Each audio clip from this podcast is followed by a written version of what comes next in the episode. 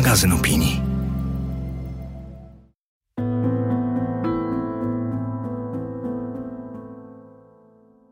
Brutalna, krwawa i do bólu konwencjonalna, a jednocześnie najbardziej internetowa ze wszystkich dotychczasowych wojen.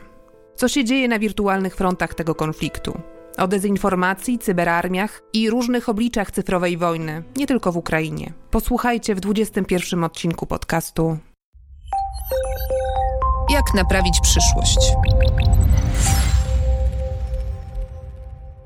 Gdy nagrywam ten odcinek, trwa 19 dzień wojny. Przez całą noc trwał silny ostrzał Charkowa, a ONZ podało dziś, że już ponad 3 miliony uchodźców uciekło z Ukrainy. W głowie ciągle słyszę echa moich rozmów z uchodźcami na naszej wschodniej granicy, gdzie pojechałam zaraz po rosyjskiej inwazji. Przed oczami mam na przykład Walentynę i Hasana, którzy cudem uszli z życiem, kiedy w czasie ucieczki z Kijowa kilkadziesiąt metrów przed ich samochodem wybuchła bomba. Myślę też o Lenie, która opowiadała mi, jak bardzo bała się, że stratują jej córkę w kolejce na granicy, gdzie czekała całą noc na odprawę. Czy udało jej się dotrzeć do Sandomierza? Czy znalazła dach nad głową? Pamiętam też Chrystynę, młodziutką blondynkę z małą liliową walizeczką na kółkach. Spotkałam ją na dworcu w Przemyślu. Dziewczyna łkając przekonywała, Putin oszalał. Kto z nas podejrzewał, że w 2022 roku naprawdę wybuchnie wojna? No i miała rację. To, co od trzech tygodni widzimy na ekranach swoich telewizorów, laptopów czy smartfonów, było zaskoczeniem. Wydawało się, że duży, konwencjonalny konflikt zbrojny w Europie już nigdy się nie wydarzy. Międzynarodowa rywalizacja przeniesie się na pola gospodarcze, a konflikty w naszej cywilizowanej części świata będą rozwiązywane w cybersferze. A jeśli już dojdzie do rozlewu krwi, to operacja będzie wyglądać zupełnie inaczej. Bomby nie będą spadać na bloki mieszkalne czy na szpitale, tylko na precyzyjnie wybrane, likwidowane zdalnie za pomocą czerwonego guzika wojskowe cele.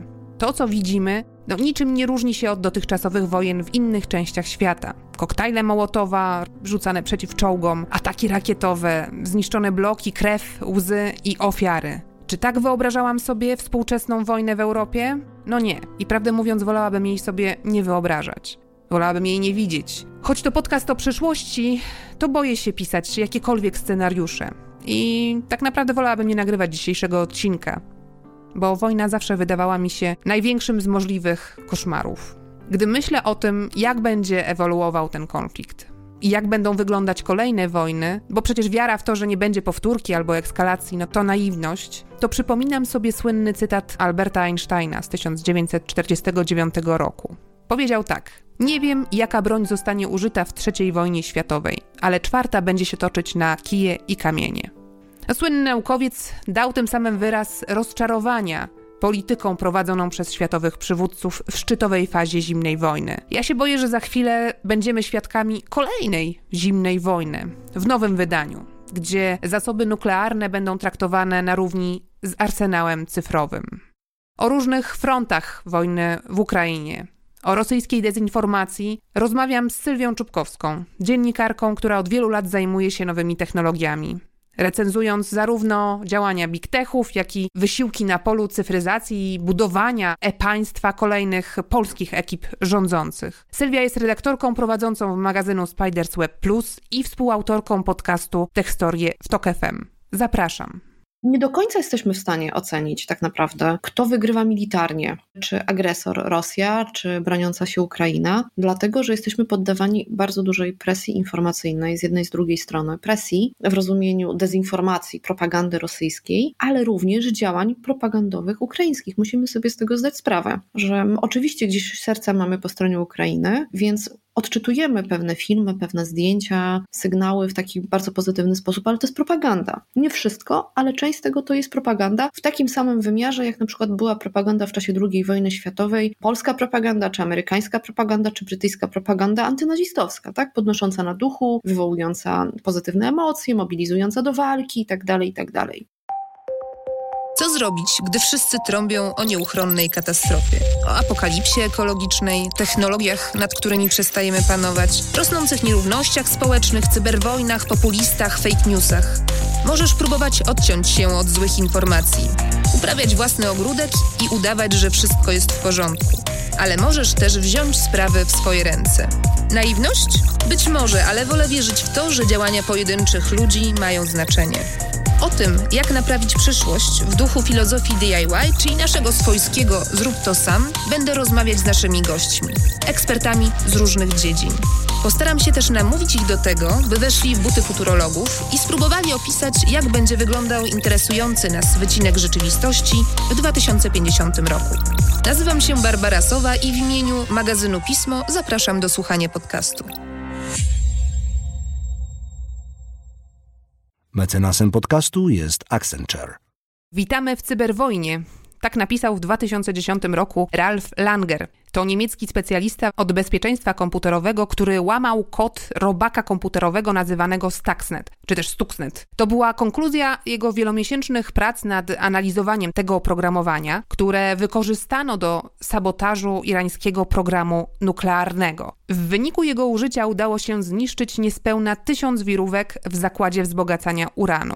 Rok później Langer tłumaczył w wystąpieniu na TEDxie zasadę działania wirusa i przestrzegał. Think about this. This attack. Pomyślcie o tym. Ten atak jest ogólny. Nie musi być skierowany konkretnie w wirówki, we wzbogacanie uranu.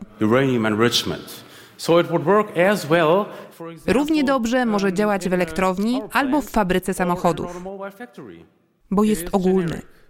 Nie musisz jako atakujący dostarczać danych za pomocą USB, jak to było w przypadku Stuxnetu.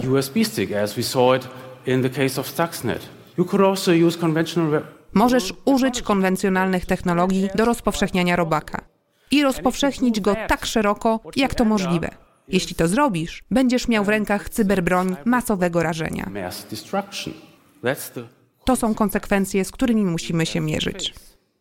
Po latach, co prawda, Langer przyznał, że jego prognozy były przesadzone, bo nie doświadczyliśmy w ostatniej dekadzie cyberwojny, a raczej przykładów online'owego nękania. Ale nie ulega wątpliwości, że przykład Stuxnetu i wyniki tego cyberśledztwa otworzyły oczy wielu rządom, wskazując na niedoceniane dotąd potencjały cyfrowych arsenałów. Wielu ekspertów wskazywało wtedy, że cyberwojna jest bardziej realnym zagrożeniem niż uderzenie atomowe, bo jest tańsza, szybsza i daje napastnikom szansę pozostania anonimowym albo uniknięcia konsekwencji. Langer udowadniał, że za atakiem na irański ośrodek nuklearny stały Stany Zjednoczone, wspierane przez Izrael. Od tego czasu na cybernetyczne pola walki obok USA czy Iranu zaczęli wkraczać kolejni gracze. Oprócz Amerykanów przodują tutaj Chiny, no i Rosja. Ta ostatnia zbroi się w cyberprzestrzeni od 15 lat i ma nawet wypracowaną własną formułę walki. Wydziały specjalizujące się w cyberatakach mają rosyjskie specsłużby. I to właśnie kilkunastu członkom GRU postawiono zarzuty w amerykańskim śledztwie badającym powiązania Rosjan z otoczeniem Donalda Trumpa. W atakach biorą udział nie tylko specsłużby, ale też hakerzy werbowani przez prokremlowskie młodzieżówki, tak zwani hakerzy patrioci. Oficjalnie Putin może więc utrzymywać, że Kreml ma czyste ręce, choć to oczywiście kłamstwa. Rosja prowadzi od lat szeroko zakrojony cyfrowy sabotaż w wielu krajach, nie tylko w USA, gdzie, jak powiedzą niektórzy, z sukcesem wpłynęła na wynik amerykańskich wyborów. Ale też swoje zdolności testowała na mniejszych sąsiadach w Estonii, w Gruzji, no i na Ukrainie.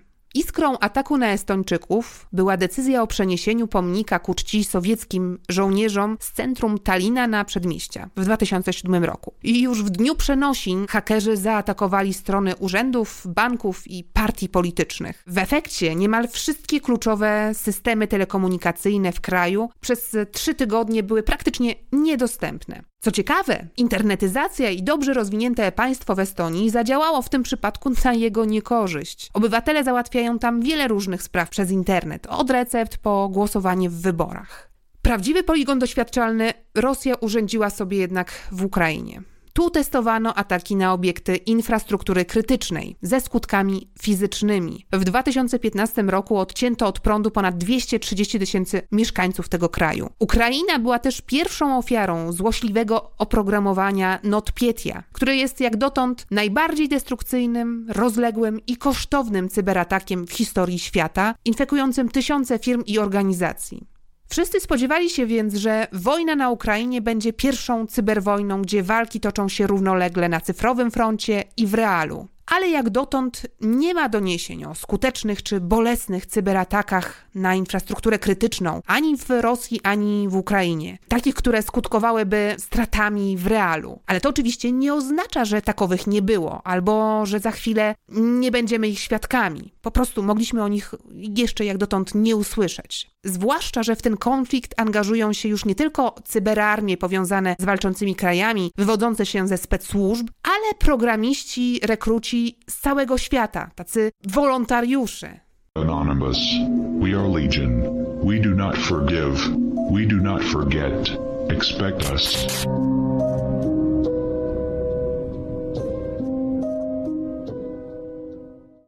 To była deklaracja słynnego kolektywu hakerskiego Anonymous, która wypowiedziała wojnę Putinowi i Rosji. Anonymous codziennie rzuca groźby i chwali się skutecznymi uderzeniami, ale jak oceniać ich działania? O to między innymi zapytam moją gościnie.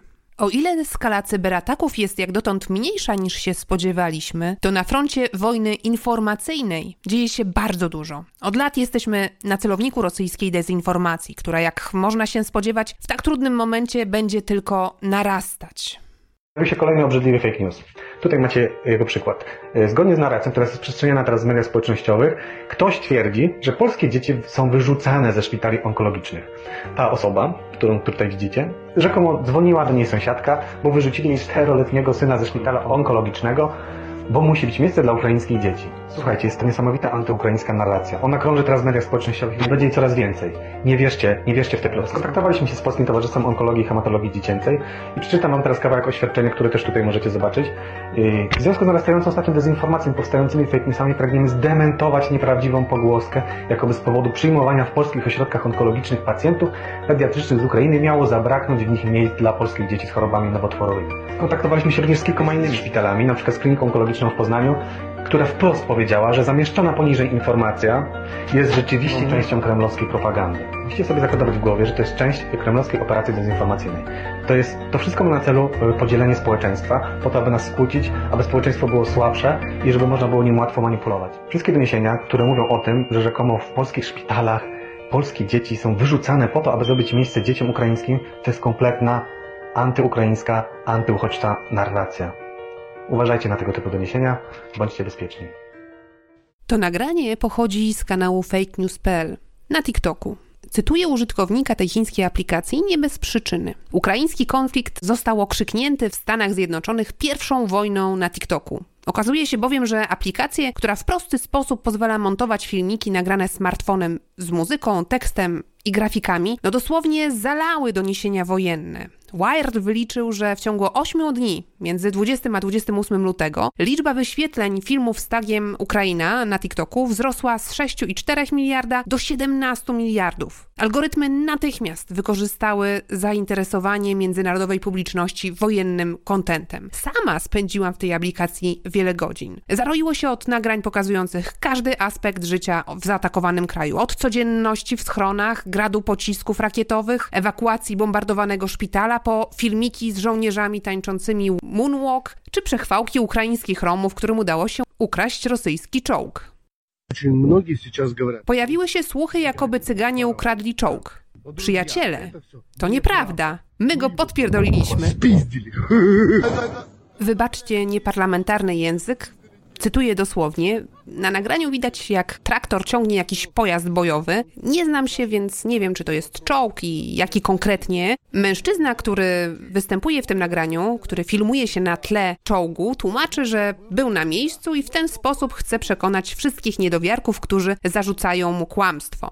Nie wiem, czy to wideo jest prawdziwe, czy też to ukraińska propagandówka, która ma podnosić morale. Wiele wersji tego nagrania krąży na TikToku, obejrzały je miliony. Widziałam je również na Twitterze i na Facebooku, no bo trzeba przyznać, że ten konflikt, ta wojna relacjonowana jest w mediach społecznościowych jak żadna inna do tej pory. Jeden z amerykańskich podcastów, który zajmuje się tematyką cyfrową, pisał o największej internetowej wojnie wszechczasów aż do następnej. I w mojej bańce Ukraina tę wojnę wygrywa. Kto jest górą, jeśli chodzi o działania na cyfrowym froncie? Kto dziś wygrywa na tym etapie cyfrową wojnę? O to zapytałam Sylwię Czubkowską.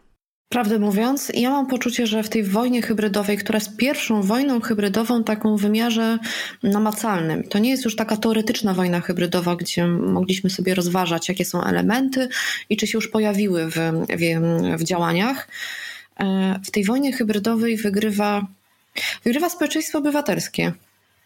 To znaczy wygrywają mechanizmy, które my sobie gdzieś wypracowaliśmy przez ostatnie dekady, y, nie tylko w Europie Środkowo-Wschodniej, chociaż tutaj być może najmocniej to widzimy, bo my mm, byliśmy też i nasze pokolenie świadkami rozwijania się po prostu społeczeństwa obywatelskiego, ale po prostu społeczeństwo obywatelskie i społeczeństwo informacyjne i społeczeństwo, y, społeczeństwo cyfrowe wygrywa. W jakim sensie? Co masz na myśli? Nie, nie do końca jesteśmy w stanie ocenić tak naprawdę, mm, kto wygrywa militarnie czy, czy agresor Rosja, czy broniąca się Ukraina, dlatego że jesteśmy poddawani bardzo dużej presji informacyjnej z jednej z drugiej strony. Presji w rozumieniu dezinformacji, propagandy rosyjskiej, ale również działań propagandowych ukraińskich. Musimy sobie z tego zdać sprawę, że oczywiście gdzieś serca mamy po stronie Ukrainy, y, więc odczytujemy pewne filmy, pewne zdjęcia, sygnały w taki bardzo pozytywny sposób, ale to jest propaganda. Nie wszystko, ale część z tego to jest propaganda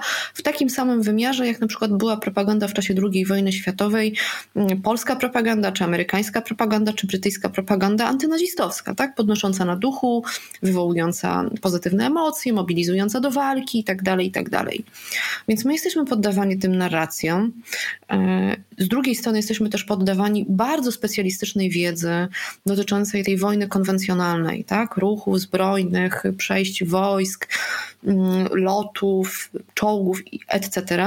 I nie jesteśmy jako nawet powiedzmy zaangażowani uczestnicy tego rynku medialnego do końca w stanie ocenić, przez, nasze, przez, naszą, przez naszą wiedzę przepuścić tego, co się dzieje i powiedzieć, ach, no tak, to tutaj wygrywa ten, a przegrywa tamten. Tak prawdę mówiąc, y, nam by się chciało tak oceniać te ruchy, bo się byliśmy wychowywani na historii, w której uczyliśmy się szczególnie w Polsce bardzo dużo o bitwach i o wojnach i o powstaniach i wydaje nam się, że umniemy, że mamy taki aparat poznawczy, my go nie mamy. Znaczy większość z nas nie jest wojskowymi, więc nie wie do końca, jakie y, zagrania są faktycznie y, korzystne tak długofalowo, taktycznie. Więc mm, mamy tą wojnę propagandową, mamy tą infodemię taką opartą na bardzo dużej takiej specjalistycznej wiedzy mm, i do tego jeszcze dochodzi wojna można powiedzieć, chociaż może to nie jest najlepsze, najlepsze określenie wojna, no po prostu działania dyplomatyczno-polityczne, które też co, codziennie się zmieniają, tak? Dostajemy codziennie sprzeczne sygnały, a może będzie, będą rozmowy, a włącza się te państwo, tak? A przylatuje wiceprezydent Stanów Zjednoczonych do Polski i tak dalej, i tak dalej.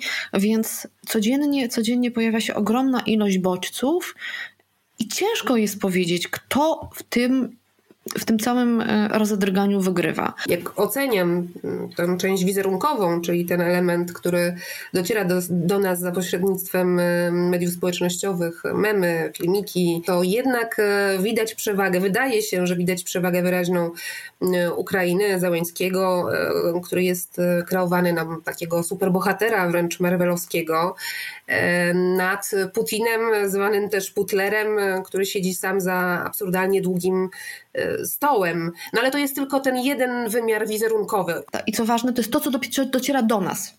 Do nas, to znaczy do państwa w Europie Środkowej, do państwa w Europie i do państwa zachodniego. Czyli kwestia bańki szeroko pojętej. Bardzo szeroko pojętej bańki. I rzeczywiście w tej bańce Ukraina robi bardzo mocną robotę. Mówisz Marvelowscy bohaterowie? Tak, Avengersi to, jak są przedstawiani e, żołnierze, czy właściwie po prostu obywatele Ukrainy dzisiaj, tak? To jest, to jest motyw jak z filmów hollywoodzkich. Zdjęcia Kliczko, sprzed roku zresztą, ale dzisiaj świetnie wykorzystane, mera, mera Kijowa, no to zdjęcia naprawdę z hollywoodzkich filmów, takich e, wręcz trochę jak się czasami śmiejemy o tych amerykańskich filmach, takich hiperpatriotycznych, tak? Zeleński też jest świetnie, świetnie pokazywany, on to zresztą bardzo dobrze wykorzystuje, to jego doświadczenie, to wszyscy powtarzają, jego doświadczenie aktorskie, obycie takie telewizyjne, no to wszystko, wszystko dzisiaj działa. Ja dlatego podkreślam, że to jest to, co do nas dociera, bo My teraz też bardzo wyraźnie zaczynamy widzieć, myślę może jeszcze, że nie bardzo wyraźnie, ale już się, już się zaczynamy z tym oswajać, że ogromna część dezinformacji rosyjskiej, tej kampanii dezinformacyjnej prowadzonej przez kilka ostatnich lat, wcale niekoniecznie była skierowana tylko na teren Ukrainy, niekoniecznie była skierowana do Polski, niekoniecznie była skierowana do Europy. Ta dezinformacja, czy też właściwie działania narracyjne są kierowane na oprócz samej Rosji oczywiście, obywateli rosyjskich, na mm, tak zwane globalne południe. I tam mam niestety duże obawy, że nie wygrywa Ukraina. Może nie przegrywa, ale raczej nie wygrywa i nie wygrywa Zachód. Czytałem też sporo analiz mówiących o tym, że mm, ta wojna na Ukrainie, która obnażyła w dużej mierze metody działania Rosji Putina, tak naprawdę oznacza koniec takiej złotej ery kampanii dezinformacyjnych Rosji. No bo te działania Rosji trwają od wielu, wielu lat. Rosja się specjalizuje w dezinformacji, tak? bo mieliśmy do czynienia i z dezinformacją, i e, wywieraniem wpływu na wybory amerykańskie, na e, wyspy gdzie Rosja jakby mieszała i maczała swoje paluszki w, w czasie Brexitu. Mocno skupiona była tak naprawdę na Europie, gdzie Rosjanie wpływali na i wspierali skrajną prawicę czy, czy ruchy antyszczepionkowe. Bardzo wiele takich, takich skrajnych grup po to, żeby siać zamęt.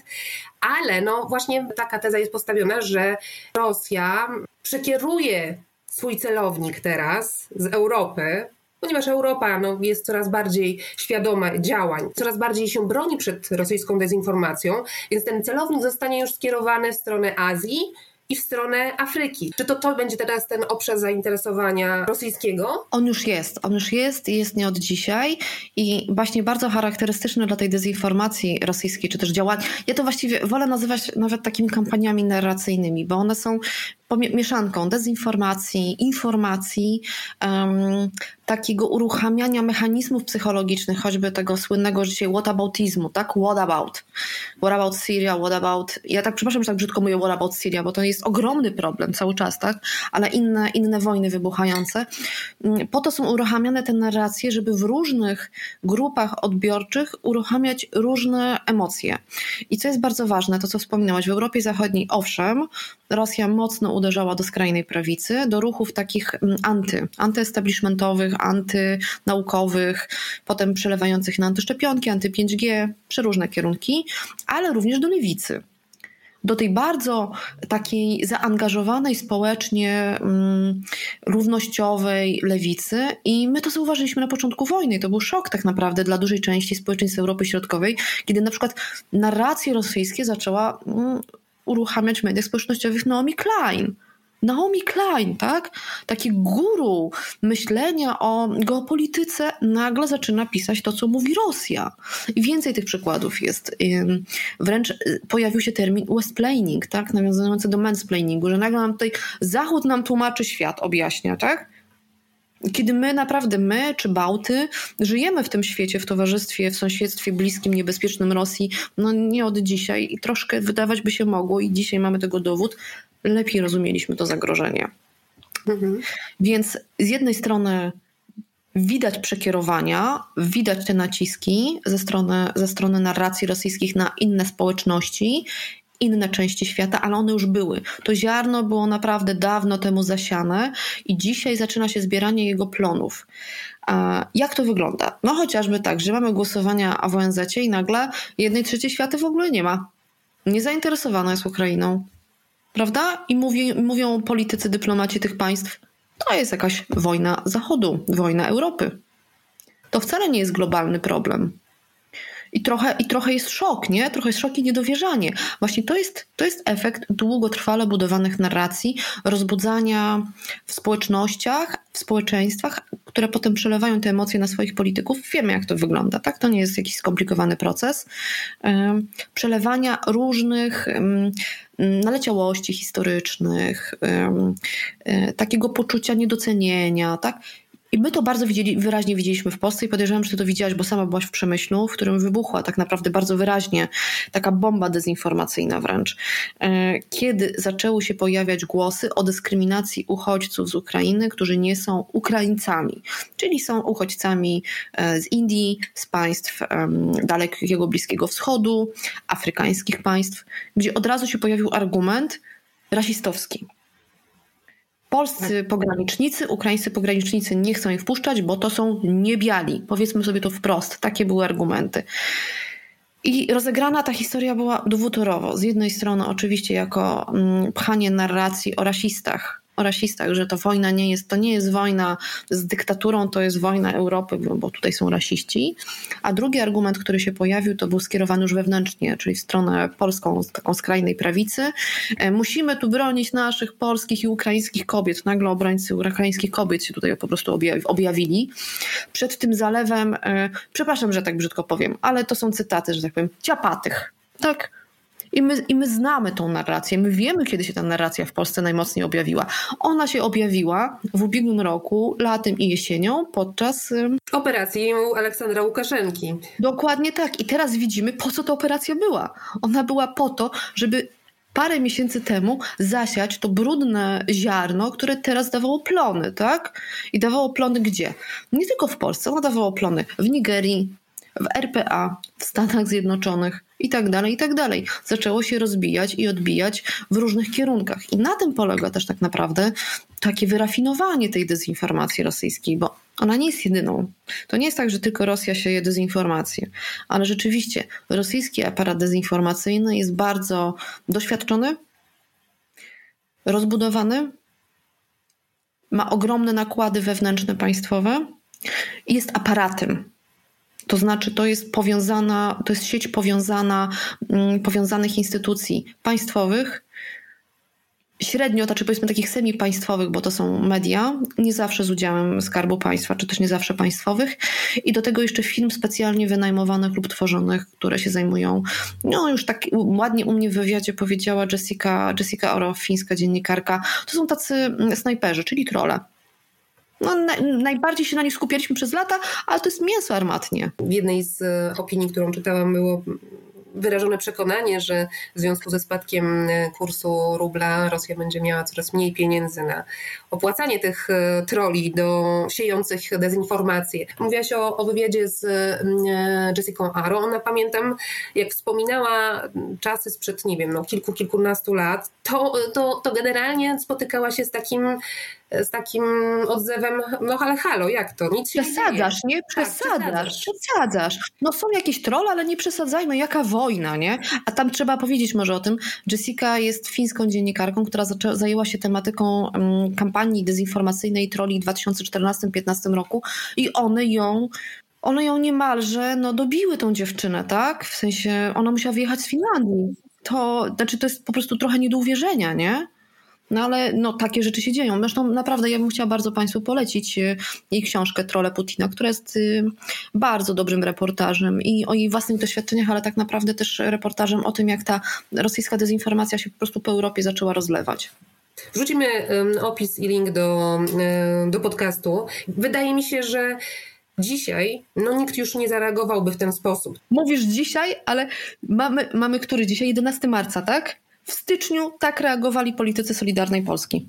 W styczniu tego roku Sebastian Kaleta na konferencji ogłaszającej przyspieszenie pracy nad ustawą e, wolnościową, czyli ustawą o wolności słowa w internecie, mhm. na pytany o dezinformację odpowiadał, e, nawet nie, ma, nie znamy dobrego terminu, czym jest ta dezinformacja. Dezinformacja jest takim działaniem, które wcale nie jest tak łatwo wskazać, zawęzić, zdefiniować. No, trzeba być wytrawnym obserwatorem, żeby um, te działania szybko wyłapać, ale mam nadzieję i myślę, że jesteśmy w tym coraz lepsi. Gdybyś miała dzisiaj e, ocenić i, i, powiedzieć, e, jakie Twoim zdaniem będą te narracje w najbliższym czasie. Takie, takie rosyjskie działania, które my w Polsce będziemy mogli obserwować i na co powinniśmy uważać, tak? co powinno e, zapalać czerwoną rampkę.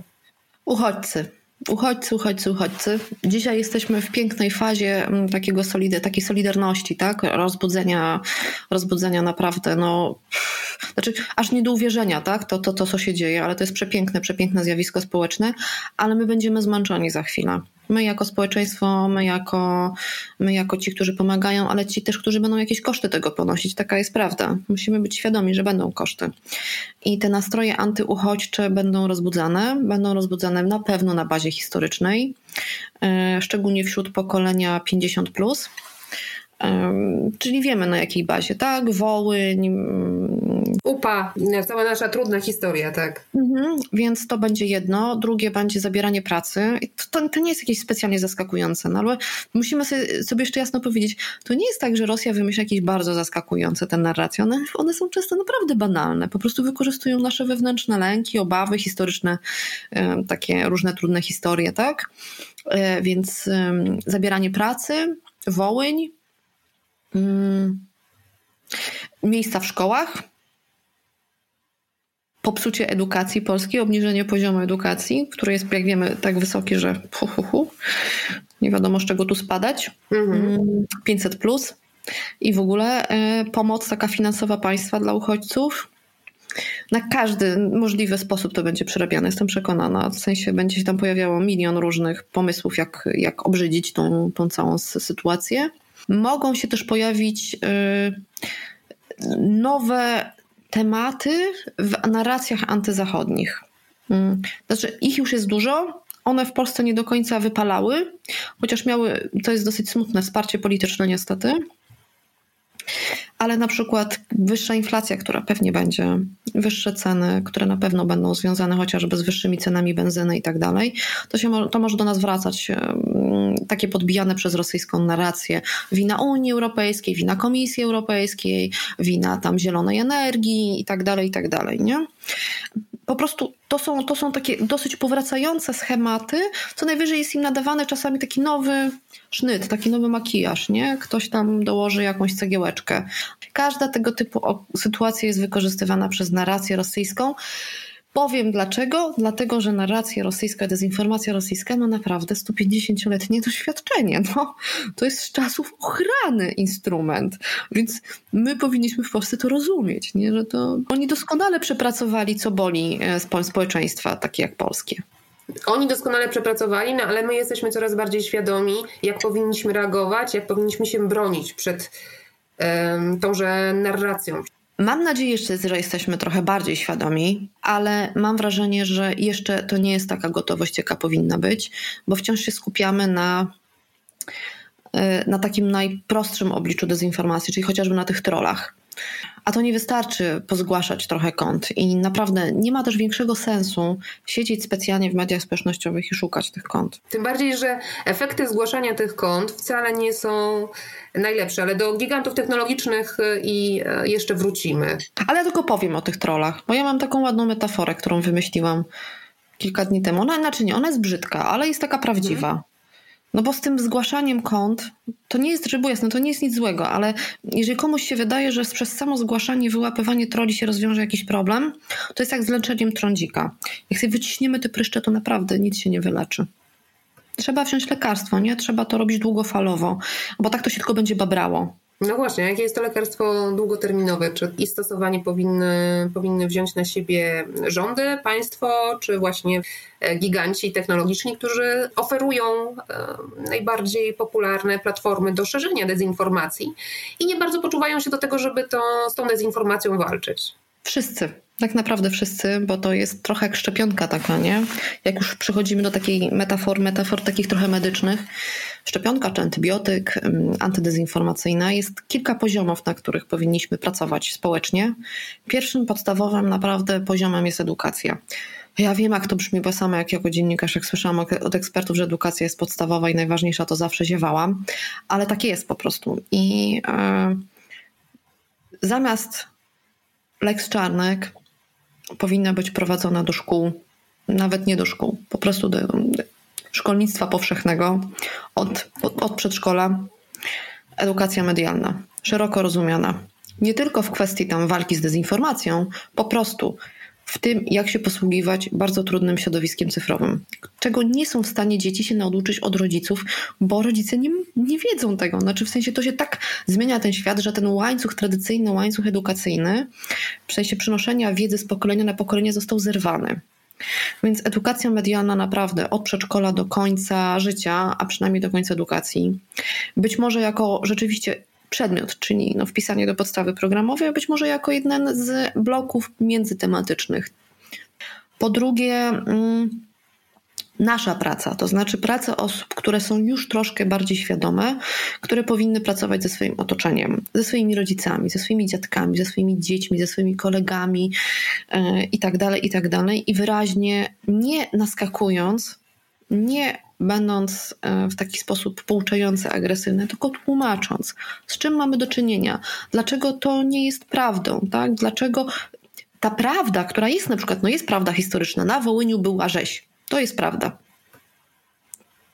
ale jej użycie w nieodpowiednim kontekście e, w celu złośliwym jest już dezinformacją, tak? bo następuje mechanizm tak zwanego prania dezinformacji, wtłaczania informacji prawdziwych pomiędzy te specjalnie wytworzone, żeby sprawić, sprawić, no, wywołać krzywdę. Tak?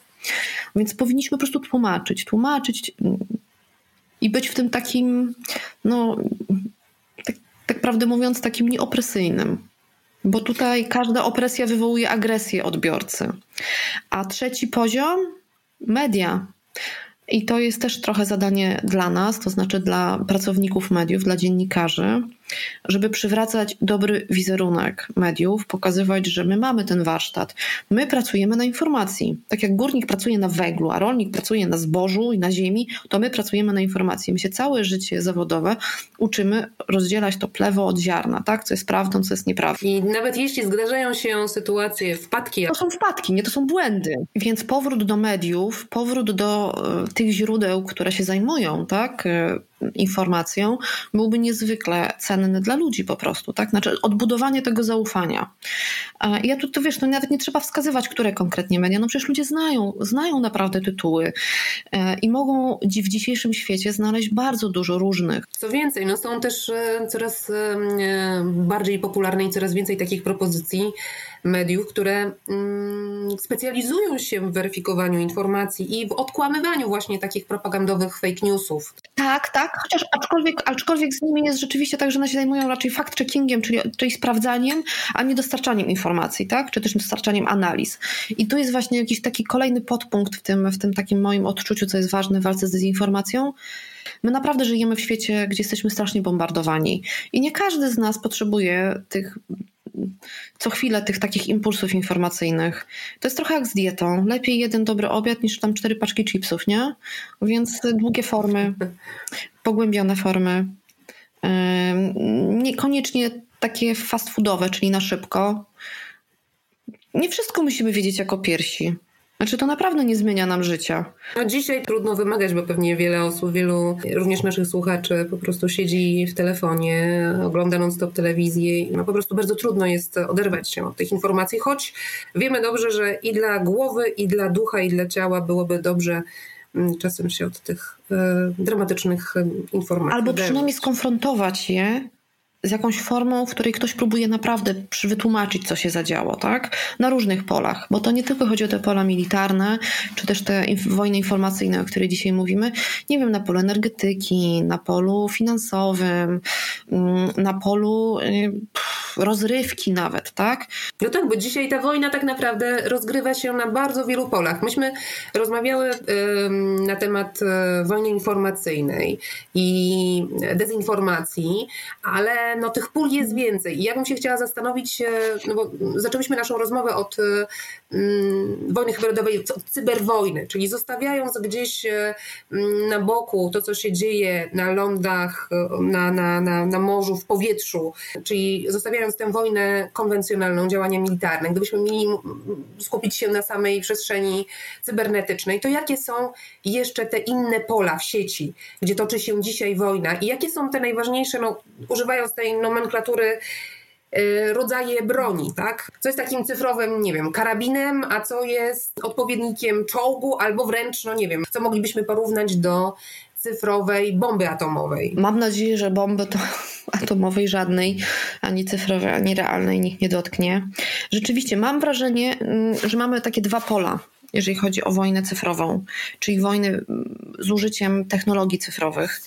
E, jeden poziom to jest to, o czym bardzo dużo dzisiaj mówiliśmy, czyli ta wojna informacyjna, bo to jest bardzo ważny poziom i on jest, on jest tak naprawdę uruchamiany nie tylko dezinformacją, on może być również uruchamiany atakami cyfrowymi. Tymi, które polegają chociażby na wprowadzeniu fałszywych treści, podmianie treści w mediach, podmianie stron internetowych. My to widzieliśmy w Polsce. Te wszystkie konta polityków, które były hakowane, tak? to jest element wojny hybrydowej informacyjnej. E, jakby to porównać do, do jakiejś broni konwencjonalnej?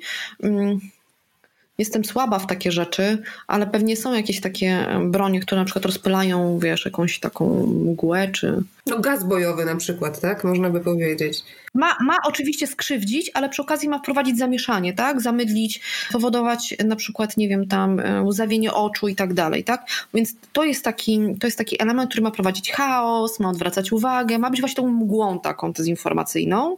Drugim elementem są rzeczywiście już ataki powiedzmy klasyczne. Ich jest kilka rodzajów. Są DDoSy, czyli spowalnianie stron, takie zawieszanie ich. DDoSy to są takie ataki, w których wykorzystywane są całe wielkie grupy botnetów, czyli przejętych komputerów, żeby wspólnie wchodzić na jakąś stronę, troszkę jak do sklepu, jakby do małego warzywniaka weszło na raz tysiąc osób, no to nikt nie wejdzie, nikt nie wyjdzie, nie? Wszystko się zapcha. I z tym mieliśmy do czynienia zarówno bezpośrednio przed e, inwazją na Ukrainę, jak i w tak, trakcie. i to są ataki bardzo popularne, one naprawdę występują na świecie od kilkunastu, jak nie kilkudziesięciu już lat. Teraz są wykorzystywane po prostu częściej w stosunku do instytucji publicznych na przykład, tak, czy wojskowych. I tu jest taka jedna ciekawa dana, w pierwszych trzech dniach e, po zaatakowaniu Ukrainy przez Rosję o blisko 200%, dokładnie o 196% wzrosła liczba takich ataków na instytucje polityczne i wojskowe Ukrainy. Czyli no jest ogromny ten wzrost i on się trochę tam spada, trochę rośnie, cały czas jest. Nie wszystkie te ataki dochodzą do skutku, no bo po drugiej stronie są oczywiście bezpiecznicy, którzy no taką cybertarczę tutaj rozpościerają i nie dopuszczają. Ja bym to nazwała te ataki trochę takim ostrzałem z broni maszynowej, nie? Coś trafi, coś nie trafi. A ostrzejsze, trudniejsze są ataki typu już ransomware czy Viper. E, Viper to jest taki atak, który zastosowała zastosowała Rosja 23, z 23 na 24. Czyli zanim wjechały czołgi, to próbowała Viperem zaatakować Ukrainę. To jest atak, w którym jest wykorzystywany DDoS, ale również ransomware, czyli mm, atak polegający na zhakowaniu, przejęciu sprzętu i próbie wymuszenia okupu. Nie, dopóki nie zapłacisz, nie możesz odzyskać dostępu. Tak naprawdę tam był trochę takim oszukany, tym Viper jest takim oszukanym ransomwarem, bo nawet jak wpłacisz, to nic nie odzyskasz, wszystko się spowalnia, wszystko jest zamglone, zniszczone. Chodzi o zniszczenie tak naprawdę, zniszczenie oprogramowania, ale, i to jest bardzo ciekawy wątek, ten atak wykryły prywatne firmy. Wykrył Microsoft w Seattle i wykrył ESET w, w Słowacji, więc dobre kilkaset, kilka tysięcy kilometrów od Ukrainy. Szybko zawiadomiły służby swoich państw, szczególnie Microsoft, i kanałami służbowymi e, poszły, poszedł komunikat na Ukrainę, do Polski, do państw bałtyckich. Udało się większość tego ataku powstrzymać. Tam były jakieś odpryski, ale nie aż takie bardzo groźne. To te ataki to takie rzucanie granatów, nie? To już, to już może naprawdę niestety może niestety rzeczywiście mocno, mocno skrzywdzić. Jeszcze wyżej są ataki celowane już w konkretną infrastrukturę krytyczną, czyli w energetykę, w telekomunikację, e, w służbę zdrowia, w tą oczywiście warstwę, warstwę cyfrową służby zdrowia, w transport. I takie ataki Ukraina zresztą przez ostatnich kilka lat dosyć regularnie znosiła. Najgłośniejsze dwie akcje były w 2015-2016 roku, kiedy zaatakowała Rosja właśnie infrastrukturę energetyczną Ukrainy, raz Kijowa, raz e, zachodniej, przepraszam, wschodniej Ukrainy. E, I tam na kilka dobrych godzin były wyłączane sieci energetyczne w grudniu. To jest bardzo ważne, bo pamiętajmy, jeżeli w Polsce w grudniu jest chłodno, to na Ukrainie jest zimno. Więc jeżeli wyłącza się na kilka godzin, na 6-8 godzin energetykę Kijowowi, to jest to znaczy to jest naprawdę działanie przeciwko ludności cywilnej, tak? E, to jest cyberterroryzm. To jest cyberterroryzm. I jeżeli ja bym miała to porównać do jakiegoś ataku, mam straszny z tym problem. Ja w ogóle nie znam nazw broni. No ale na, nie wiem, jakieś bazuki są, nie? Bazuka. No, to jest, to, to jest już coś takiego. To zostawi potężne, może zostawić potężne, potężne rany. Do niedawna jednak częściej słyszeliśmy o takich przykładach e, udanych ataków albo dotkliwych ataków ze strony e, rosyjskich e, hakerów. Teraz po stronie, no, można powiedzieć, ukraińskiej opowiedziało się wiele grup, w tym chyba najsłynniejsza grupa, taka cyberpartyzantka aktywistyczna, czyli Anonymous Jak ty oceniasz ich działania? E, nie widzicie, ale taką zrobiłam minę troszkę na zasadzie, a, są, są. To znaczy nie, oczywiście. Od strony informacyjnej, znowu wracamy do tej wojny informacyjnej, działania Anonymous są bardzo ważne, bo to są takie działania, które mają podnieść na duchu i Ukraińców, ale też tak naprawdę, no bo dobra, spójrzmy na to tak troszeczkę, znowu wracając do metafory, tym razem filmowej, ten dobry świat, nie? Tą um, republikę walczącą z imperium. Ma tak nam się wszystkim zrobić lepiej na, na, na serduszku, bo tutaj są anonimusi, którzy atakują kolejne a to media rosyjskie, a to strony internetowe urzędów, mm, a to schakują jakieś urządzenia takie techniczne i tam się pojawią napisy, co się dzieje w Ukrainie. No ale prawdę mówiąc, to nie zmieni naprawdę, to nie przechyli szali tej wojny. Nie ma też do tej pory, po dwóch tygodniach od rozpoczęcia działań wojskowych, e, dowodów na to, że Anonimusom udało się coś bardzo poważnego zdziałać.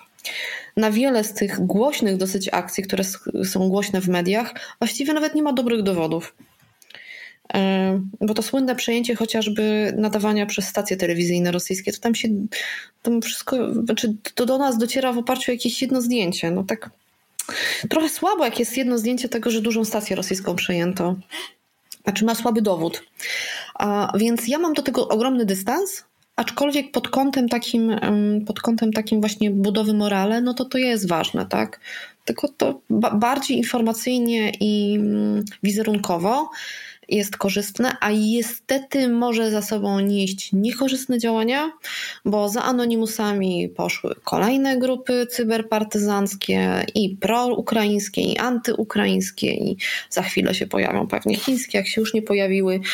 Podobnie jak w realu e, do wojsk ukraińskich dołączają młodzi mężczyźni z zagranicy, którzy przyjeżdżają tam po prostu, bo chcą wesprzeć, e, bo nie wiem, no z różnych pewnie powodów e, przyjeżdżają tam i chwytają za karabin. Tak podobnie też się dzieje w sieci, że gdzieś takie wzmożenie, jest odezwa, również podsycana przez anonimusów i innych cyberhaktywistów, żeby się zaangażować. Okej, okay, masz komputer, jakieś zdolności programistyczne, zrób coś. No nie musisz nawet mieć e, zdolności, bo przecież e, taka słynna akcja, która była e, parę dni temu przeprowadzona z udziałem Google Maps i TripAdvisora, wpisywania pod rosyjskimi restauracjami recenzji, który, w których byłaby zawarta informacja o tym, co naprawdę dzieje się na Ukrainie, po to, żeby dotrzeć do tych rosyjskich odbiorców, którzy no od niedawna tak naprawdę są pozbawieni już zupełnie informacji z niezależności mediów. No, więc tych takich e,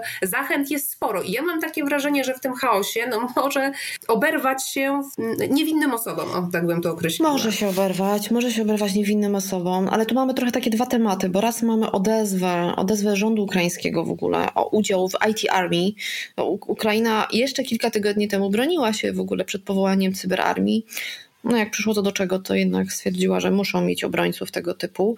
I tam się zgłosiło już ponad 300 tysięcy osób. To jest w ogóle jakiś taki mega wynik osób z całego świata. Przy czym pamiętajmy, ci, którzy się zgłaszają do IT Armii Ukraińskiej, to nie mają hakować. Ich nikt nie nakłania do łamania prawa. Oni mają być obrońcami w razie, gdyby się coś działo. To raz, a dwa. No na pewno 300 tysięcy osób to tam Ukraina nie wykorzystuje, bo to nie jest jej potrzebne. Wystarczy znacznie mniejsza grupa. I to jest też kolejne zagranie wizerunkowe, bardzo zresztą dobre. Znaczy, w ogóle szapoba przed takimi zagraniami, które stosuje Ukraina, które są, zobaczcie, niebolesne, niedrogie, pozostawiają tylko i wyłącznie taki smak, nie ma absmaku po tym, tak? Że to jest jakieś takie właśnie, bo nie ma tej zachęty, łamcie z nami prawo, bądźcie hakerami w tym takim złym tego słowa znaczeniu, tak? W sensie, a z drugiej strony te odezwy anonimusów, zresztą nie tylko, tak? Bo to rzeczywiście to, co wspominałaś, to Google Maps to było rozpropagowane przez nich, ale nie, nie wymyślone, no to jest raczej taki mechanizm, który jest dla nas potrzebny. On jest nam mhm. potrzebny. On jest nam potrzebny po to, żebyśmy mogli cokolwiek zrobić. Żeby zyskać poczucie sprawczości. Choćby tym, nie? Choćby tym komentarzem, tak. nie? Choćby tym komentarzem, jak już nie jestem tam w stanie pojechać. I... Żeby zrobić coś więcej niż tylko wkleić sobie ukraińską flagę na fejsie, prawda? Zresztą ukraińskie flagi, prawdę mówiąc, jak kiedyś bym się z tego jeszcze trochę wyśmiewała, to teraz też rozumiem jako... Yy, znaczy, ja rozumiem to jako element znowuż potrzebny nam, jako społeczeństwu czy społeczeństwom, które się czują naprawdę bardzo takie wymęczone tym wszystkim wszystkim. I, to jest takie trochę spuszczenie tego takiego trudnego powietrza z balonika. No to chociaż flagę. No, prawdę mówiąc, znowu, nikogo tym nie krzywdzisz, skoro nikogo tym nie krzywdzisz, to dlaczego by nie? Tak? Europa i świat zachodni był zaskoczony tą wojną. Nikt się nie spodziewał, że e, konflikt na taką skalę wybuchnie, a jednak tak się wydarzyło i, i efektem teraz jest e, zwiększenie nakładów na e, zbrojenia, na armię, na, na wojsko, zarówno w Polsce, w Niemczech, jak i w wielu innych krajach. Jak to oceniasz, na ile ten wzrost nakładów będzie dotyczył również cyberobronności. Czy my będziemy w przyszłości świadkami już e, tylko i wyłącznie konfliktów e, rozwiązywanych albo wojen toczących się jedynie w cybersferze, czy to wciąż jest jednak science fiction? My trochę mamy już odpowiedź na to pytanie dzisiaj, bo właściwie ta cyberwojna mogłaby się dziać dzisiaj, tak, w sferze wirtualnej. mogłyby czołgi nie wjeżdżać do Ukrainy. Tylko, że jednej stronie, to znaczy i atakującym, i obrońcom w pewien sposób, to jest takie złe słowo, ale trochę tak jest potrzebne. Są te działania konwencjonalne. To znaczy, nie ma dobrej wojny informacyjnej bez obrazów, bez obrazów zabijanych cywili, albo bez obrazów czołgów witanych przez mieszkańców kwiatami, tak jak sobie wyobrażają Rosjanie, że to będzie wyglądało. Więc niestety nawet ten rozwój technologii, który nam dzisiaj towarzyszy, nie spowoduje końca wojen konwencjonalnych, czyli śmierci ludzi. No, bo to jest wojna konwencjonalna, to jest po prostu zabijanie ludzi. E, rozjeżdżanie e, miast czołgami, bombardowanie budynków, tak? Niestety raczej nic nie wskazuje na to, że nam się to skończy. Końca historii nie będzie, to już widzimy. Co najwyżej nowe rozdziały w tej historii. I tym nowym rozdziałem może być rzeczywiście nowa zimna wojna, taka o obliczu cyfrowym. E, między innymi właśnie jej obliczem, jej elementem może być silne zbrojenie w sferze i militarnej, ale właśnie cyfrowo-militarnej. I to już widać. Spółki, firmy, które zajmują się tak bardzo specjalistycznie tą właśnie sferą cyberbezpieczeństwa, no ich kursy wystrzeliły. Ich kursy po prostu to jest, to są żniwa to są żniwa, bo to nie tylko państwa będą się teraz zbroić, firmy się zbroją. Każdy może być zaatakowany. Polskie media były atakowane parę dni temu, tak? Każdego to może spotkać i, i te wydatki będą na pewno dużo większe. W efekcie też bardzo możliwe, że nas czeka silny w ogóle rozwój technologii, tak jak przy każdej wojnie. Tak? Te wojny są impulsem rozwoju cywilizacyjnego i technologicznego. Tak tutaj nas bardzo możliwe, że czeka rozwój właśnie technologiczny pod różnym kątem. Może nas czekać rozwój technologii właśnie cyberobrony, może nas czekać rozwój technologii nadzoru to byłby trzeci taki duży skok w technologiach nadzoru w XXI wieku. Pierwszy był po 11 września, drugi był wraz z wybuchem pandemii, trzeci może być teraz. Mm, I to nie jest dobry. Znaczy, Chyba nie ma odwrotu trochę, mam wrażenie. Nie ma odwrotu, ale martwi mnie ten kierunek, tak? To znaczy osobiście nie, nie szczególnie się z tego powodu cieszę. Może nas też czekać bardzo potężny rozwój technologii w platformach cyfrowych. Mm, to znaczy technologii związanych rzeczywiście z dopracowywaniem algorytmów, bo te naciski na platformy cyfrowe teraz, żeby się wreszcie ogarnęły z dezinformacją, ale nie tylko z dezinformacją, po prostu z odpowiedzialnością społeczną, są dosyć duże. Poprawdzie platformy tak trochę dryfują, tak krok do przodu, dwa do tyłu, dwa do przodu, jeden do tyłu. Coś zrobią, ale na przykład tylko regionalnie, tak? Albo coś zrobią, ale dają komunikat, że teraz. No, właściwie nie wiadomo, co to znaczy. Będą te naciski większe i będą to naciski większe ze strony państw, e, szczególnie tych, które zaczną, znaczy widzą wyraźnie, że to jest element po prostu rozgrywek międzynarodowych. Mm, a to, to wiemy, jakie to są państwa. Są Stany Zjednoczone, to są Chiny, tak? Najprawdopodobniej też Rosja z rozbudową własnego runetu. E, więc czeka nas rozwój technologii takich telekomunikacyjno-socialowych. E, I to może być bardzo ciekawe. To znaczy, my żyjemy w ogóle niestety w bardzo ciekawych czasach, jak to w tym chińskim przysłowiu. Mm, bo te technologie będą nie tylko wykorzystywane właśnie militarnie, one będą się przykładały też na korzyści jakieś tam konsumenckie. To zresztą jak z internetem. No internet był przecież no de facto wymyślony przez wojska amerykańskie, nie? Jako odpowiedź na wielki podbój kosmosu przez ZSRR. Jak ty oceniasz nasze przygotowanie? Mówię o polskim przygotowaniu. O polskim cyberbezpieczeństwie, polskiej tarczy cyberochronnej. Zawieszam się, bo się spoję cokolwiek powiedzieć. Bo to jest strasznie niedobrze mówić o takich rzeczach. Jak się powie, że jesteśmy gotowi, to jest trochę jak płachta na byka. Jak się powie, że jesteśmy niegotowi, to też jest trochę jak płachta. Znaczy, jak się powie, że jesteśmy gotowi, to jest płachta na byka, a jak się powie, że jesteśmy niegotowi, to jest też takie trochę pchanie właśnie tej rosyjskiej narracji pod tytułem o, tu jest tak strasznie, jest chaos, z niczym sobie nie damy rady, nie? W ogóle nic, położyć się i umierać. Mm, ja myślę, że bardzo dobrze na korzyść Polski działa to, że jesteśmy w strukturach NATO. Jesteśmy e, w strukturach NATO od ponad 20 lat, a NATO od wielu, wielu, wielu lat już wie, że cyberterroryzm i cyberwojna to są realne zagrożenia. Jest to wpisane również w mm, oficjalne dokumenty, tak? Dokładnie, że mamy piątą sferę tak, działań wojskowych obok, obok lądu, ziemi, powietrza, ląd, ziemia, powietrze, morze, cyberprzestrzeń, tak? Piąta. W Estonii od 2007 roku jest Centrum Cyberbezpieczeństwa też e, natowskie, które rozwija te kompetencje. E, u nas zostało w tym roku, w styczniu, wreszcie, po liczę, trzech i pół roku mniej więcej, czterech, czterech, ponad czterech latach e, od zapowiedzi powołane cyberwojsko, mm, czyli konkretna już taka struktura wojskowa z, z przywódcą i z rozwojem i z nakładami i tak dalej.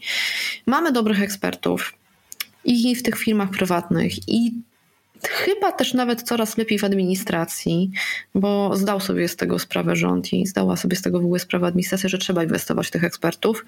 No ale no to my się mierzymy naprawdę z takimi. No, to jest tak trudno ocenialne, bo to, to no właśnie Rosja dzisiaj, ale to nie tylko Rosja. To nie tylko Rosja jest tutaj wroga, jest tych państw kilka. E, dokładnie cztery są zazwyczaj wskazywane jako najbardziej takie agres czy agresory w cyberprzestrzeni. I to od lat są te same państwa, czyli Rosja, Chiny, Korea Północna oraz Iran. Um, no ale dochodzą do tego jeszcze właśnie jakieś grupy przestępcze, czasami powiązane z rządami, czasami takie płynne, tak? Dzisiaj sobie będą hakarami, patriotami działającymi dla Putina, ale jutro to właściwie każdy może ich wynająć, tak? Mm, ach, jeszcze do tego się rozwijają, przepraszam, zapomniałam tak naprawdę te kompetencje w Białorusi, no ale powiedzmy Białoruś z Rosją jest związana. Y, więc no jest tych graczy sporo, wyzwań jest sporo. Y, po prostu trzeba do nich bardzo poważnie podchodzić. I tak y, od, od koru, tak? Właśnie od tej edukacji po taką globalną świadomość, nakłady, może nie szaleńcze, bo to nie odchodzi, żeby wydać każdą możliwą kwotę, tylko żeby racjonalnie te kwoty wydawać, tak? Mm. No, science fiction mamy na, na co dzień, nie? Takie, nie, takie, nie takie, jak sobie czytaliśmy, raczej takie jak z Black Mirror, albo jak z innego serialu, który wszystkim się przypomina od dwóch lat, czyli Rok za rokiem. Niestety. I chciałabym zakończyć jakimś pozytywnym e, elementem, ale mam wrażenie, że, że chyba od światełko w tunelu będzie dzisiaj trudno. Bardzo Ci dziękuję i do usłyszenia. No ja też bardzo Ci dziękuję i bardzo dziękuję Państwu. Jak naprawić przyszłość? Zaatakowana Ukraina zjednała sobie wielu sprzymierzeńców. Od państw nakładających na Rosję kolejne sankcje, korporacji, które wycofują się z kraju Putina, po biznesmenów, NGOsy i rzesze zwykłych obywateli, którzy angażują się w wolontariat, zbiórki i pomoc uchodźcom. I to jest jedyne światełko w tym całym koszmarze. O tym, jak nowoczesne armie wykorzystują drony, ładunki naprowadzane laserowo, rakiety hipersoniczne, wielokrotnie przekraczające prędkość dźwięku, albo pocisk typu Hellfire, który zamiast głowicy z materiałem wybuchowym jest wyposażony w sześć ostrzy wysuwających się tuż przed trafieniem w cel. O tym wszystkim przeczytacie w kwietniowym numerze pisma w tekście Jarosława Kociszewskiego. Bardzo Wam polecam ten tekst. Link dorzucę, jak tylko opublikujemy wydanie kwietniowe pisma. W opisie podcastu już dziś znajdziecie za to linki do wszystkich materiałów audio, które wykorzystałam w tym odcinku, odesłanie do reportażu z granicy, jaki napisałam w pierwszych dniach wojny i wywiadu Sylwii z Jessica Aro. Dziękuję Wam za wysłuchanie tego odcinka. Słyszymy się za miesiąc. Trzymajcie się ciepło. Jak naprawić przyszłość? Mecenasem podcastu jest Accenture. Więcej materiałów znajdziesz na stronie miesięcznika Pismo, magazyn opinii pod adresem magazynpismo.pl.